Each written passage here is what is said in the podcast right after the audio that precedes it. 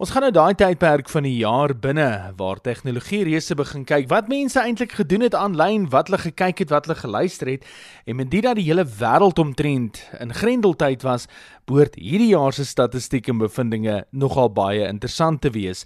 Een van die eerstes wat reeds hulle statistieke bekend gemaak het, is die stroomdienste, ouens soos Deezer en Spotify waar mense aanlyn na musiek luister en hulle het bepaal wat mense na geluister het en wie was die gewildste.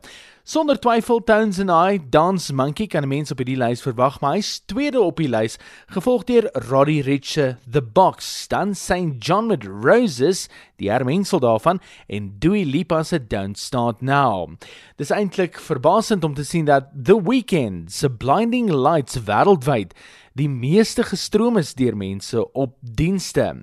Van die mees gestroomde albums sluit ook in Harry Styles, The Weeknd, Bad Bunny, Dua Lipa, Pop Smoke, Louis Capaldi en ook Post Malone. Dit sal interessant wees om te sien wat die Afrikaanse stroomdienste se statistiek is in die verband.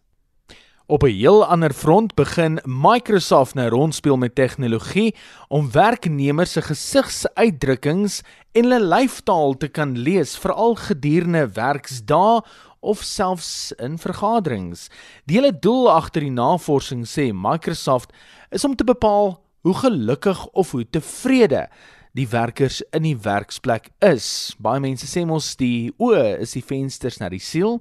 Al een van die dae sal kunsmatige tegnologie jou waarskynlik kan lees hoe gelukkig jy is in jou werkplek as Microsoft dit deurgevoer kan kry.